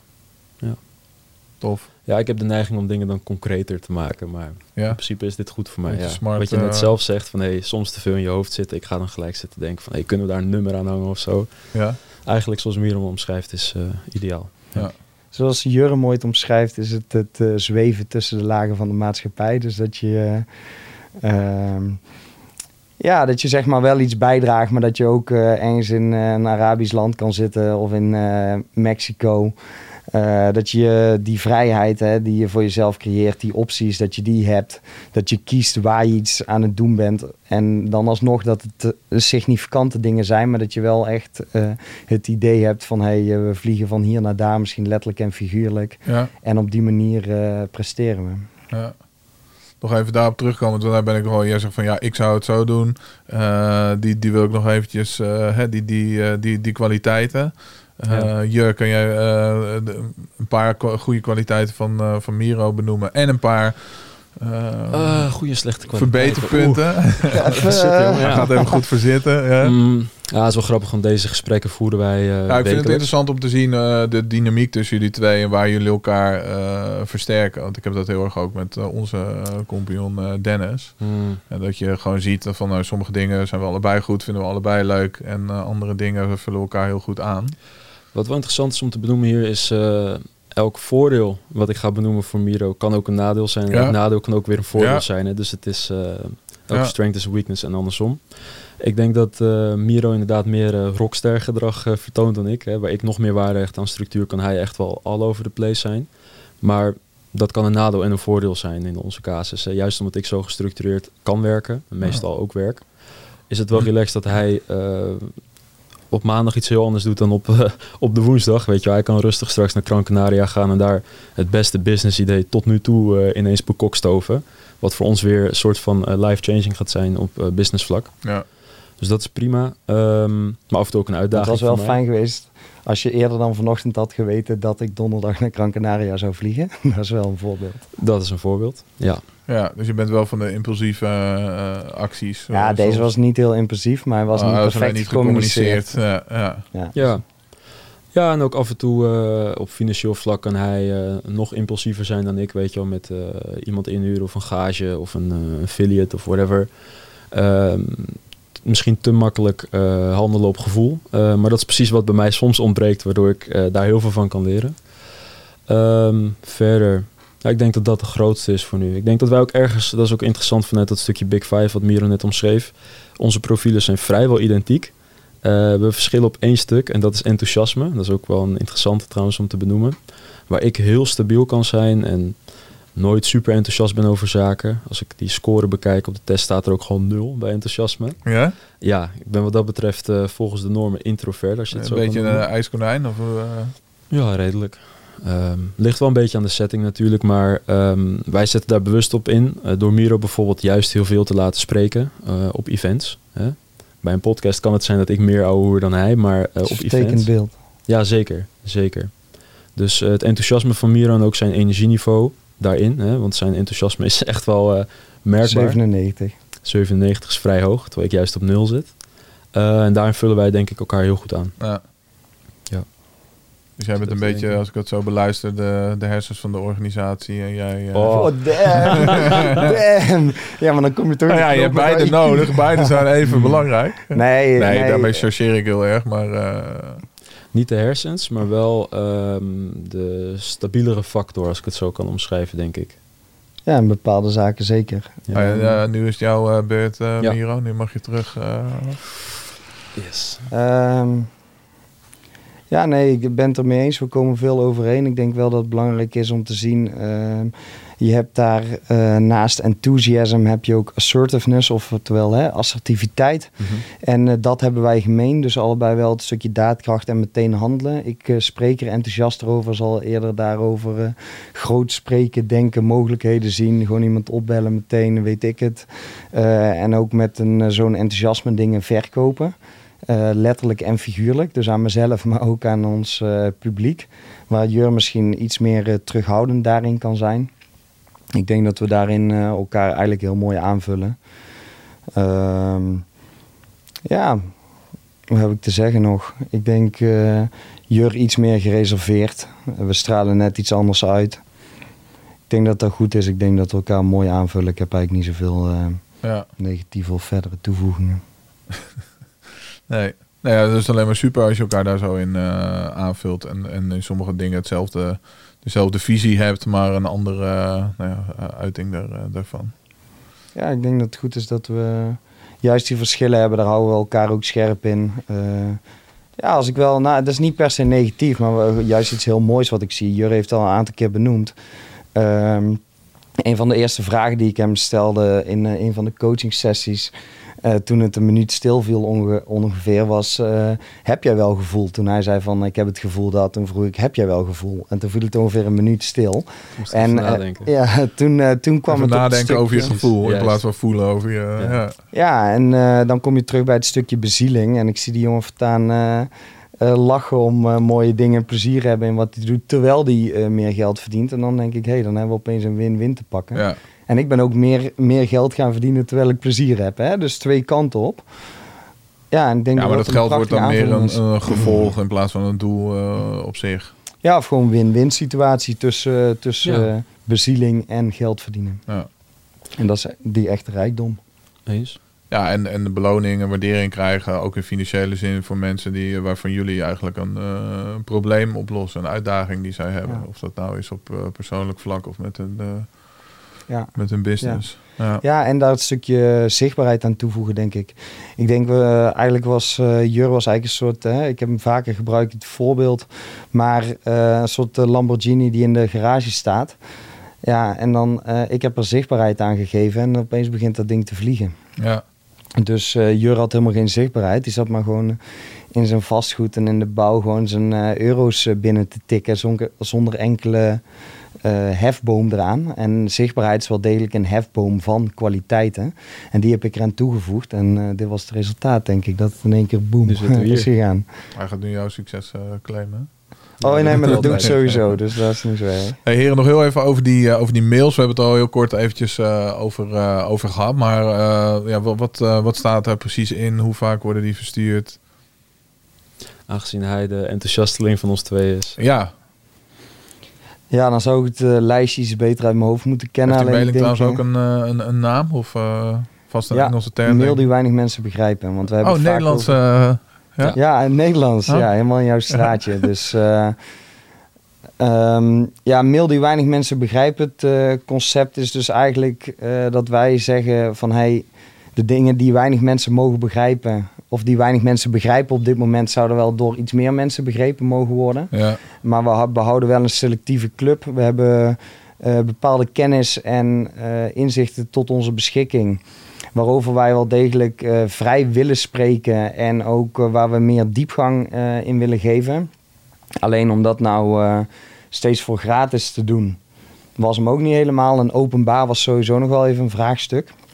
Gezien de huidige algoritmes en eh, censuur. Omdat daar eh, nou hele geheime dingen in staan. Of, eh, Nou, in ieder geval onze ongecensureerde mening zonder een sterke politieke filter voor politieke correctheid. Dus we zeggen wel degelijk wat we daadwerkelijk denken en wat wij waarnemen vanuit een objectiever perspectief dan je in ieder geval in de media gaat vinden. En dan hebben we het over zaken zoals eh, financiën, wereldpolitiek, economie, eh, de hele coronagekte die we hebben gehad. Dat soort zaken. Dus ik denk dat onze doelgroep daarop aangaat. Ja, en gewoon onze beste inzichten delen. Die je normaal misschien alleen eh, in coaching krijgt. Die heb je daar voor een, ja, voor een minimale prijs één keer per week. Dus precies in de juiste hoeveelheid hebben mensen eh, een uniek stukje kennis wat ze in hun mailbox krijgen. ja. Ja, en wat we daaraan toegevoegd hebben is eh, gewoon voor ons een interessant verdienmodel. Wat ook nog aansluit bij onze, eh, bij onze visie. Is dat we zijn gewoon goedkoop gestart. En we hebben gezegd de eerste 200 leden die krijgen hem voor een tientje per maand. Loyaliteit belonen we. Ja. En ook nog eens daadkracht belonen Actie, we ook. ja. Dus gewoon nu lid worden. Want eh, waarschijnlijk als je dadelijk eh, later abonneert, wordt het duurder. Want per 50 man gaan we die prijs iets verhogen met 62,5 cent. Dus eh, dat betekent dat we ondertussen de mail 17 euro per maand kost op het moment van opnemen. Ja, op het moment dat je deze opname krijgt, is hij waarschijnlijk alweer iets bijgeschaald. Ja, misschien is hij wel Want, 1000 eh, euro ondertussen. Ja, nee, precies. En na, na nu- deze podcast 17 helemaal. ja, Ja, ja. Dus dat betekent dat we nu eh, volgens mij eh, 630 leden hebben. Ja, dan gaan we gewoon heel snel eh, naar eh, 2000 brengen in het komende jaar. Ja. Daarmee vlammen, zodat we nog toffere dingen kunnen neerzetten. In die mail nog exclusiever, nog betere eh, eh, kennis kunnen brengen. Dan Eh, wordt het Is dat meer dan om bepaalde kaders te hebben? Of staan er ook wel hele praktische eh, tips in die Heel mensen echt gewoon kunnen, kunnen toepassen meteen in hun leven? Dus eh, concreet, ik kan vanuit mijn expertise een week eh allokeren om echt een goede nieuwsbrief over central bank digital currencies te schrijven. Ja. Heb ik toevallig onlangs gedaan. Ik denk dat veel van jouw luisteraars daar best wel op Zeker, aangaan. ja. Kan ik ook nasturen als mensen dat tof vinden trouwens. Ga je kan ook- nasturen? Jazeker man. Dit is nieuw. Dan alleen voor de luisteraars van deze podcast die de podcast noemen. Yes. Eh, maar het kan ook gaan over vastgoed, macro-economie of Miro wil misschien iets heel complex uitleggen over psychologie. Ja, kennis alleen is leuk, implementatie van kennis is beter. Dus we zorgen wel altijd dat er concrete takeaways in zo'n nieuwsbrief zitten. eh, waar je zelf mee aan de bak kunt. Ja. Mooi. Hey, als eh, mensen die mailing, dat ze denken van, nou ja goed, die wil ik ook graag gaan, gaan ontvangen. Dat is een mooie manier, denk ik, ook om op nou ja, laagdrempelige wijze meer met jullie en jullie, eh, wat jullie doen, eh, jullie gedachtegoed, Ja. kennis eh, te maken. Dan hebben we daar een speciale link voor gemaakt. Zo word je steenrijk.nl schuine streep mailing. Als je daar je naam en je mail achterlaat, dan krijg je een mail met hoe je kan opgeven voor, voor jullie mailing. Op het moment van opnemen kost die dus 17 euro uit mijn hoofd. 17, eh 17 euro. Ja, ik denk dat we tegen die tijd heel eerlijk wel boven de 18 zitten of 19. Zou kunnen. Maar in ieder geval nog, eh, nog een, eh, zeer een mooi bedrag. Eh, en en eh, nou ja, hopelijk als je het toepast, hè, daar gaat het altijd om. En dat moeten mensen zelf doen. Een veelvoud aan, eh, aan waarde die je daar dan eh, uithaalt. Ja, kijk, over, eh, over een jaar of twee jaar eh, kost dat ding misschien 50 euro. En heel eerlijk, als jij met vier uitgebreide mails van zeven, soms zelfs 13 kantjes met echt diepgaande eh, kennis geen 50 euro per maand weet terug te verdienen vanuit die kennis, dan ben je sowieso niet onze doelgroep. Dus dan zou ik je sowieso niet adviseren om eh, lid te worden van de mail. Ja. Maar degene die dat wel willen, zo wordt je steenrijk.nl streep mailing. Ja, die Yes. zijn meer dan, eh, meer dan welkom. En dan gaan wij onze mail steeds sterker maken en staan we open voor alle feedback en blijven wij ook rammen. Klinkt, me- klinkt goed. Heren, super bedankt eh, voor jullie tijd. Voor jullie nou, openhartigheid. Het was echt eh, hardcore. Je had niks te veel gezegd wat dat betreft. Dus dank je wel eh, daarvoor dat, voor dat delen. Dat is denk ik ook het, mooie en het krachtige aan podcasts zoals deze. Dat nou ja, je open over dat soort dingen kan, kan praten. En nou ja, daarmee ook andere mensen kan inspireren en inzichten kan, kan geven. Eh, bezieling, eh, zingeving. Ik denk dat we het over mooie dingen eh, gehad hebben. Dus eh, dank jullie wel daarvoor. Jij bedankt. Jullie bedankt voor het kijken, bedankt voor het luisteren en heel graag tot de volgende.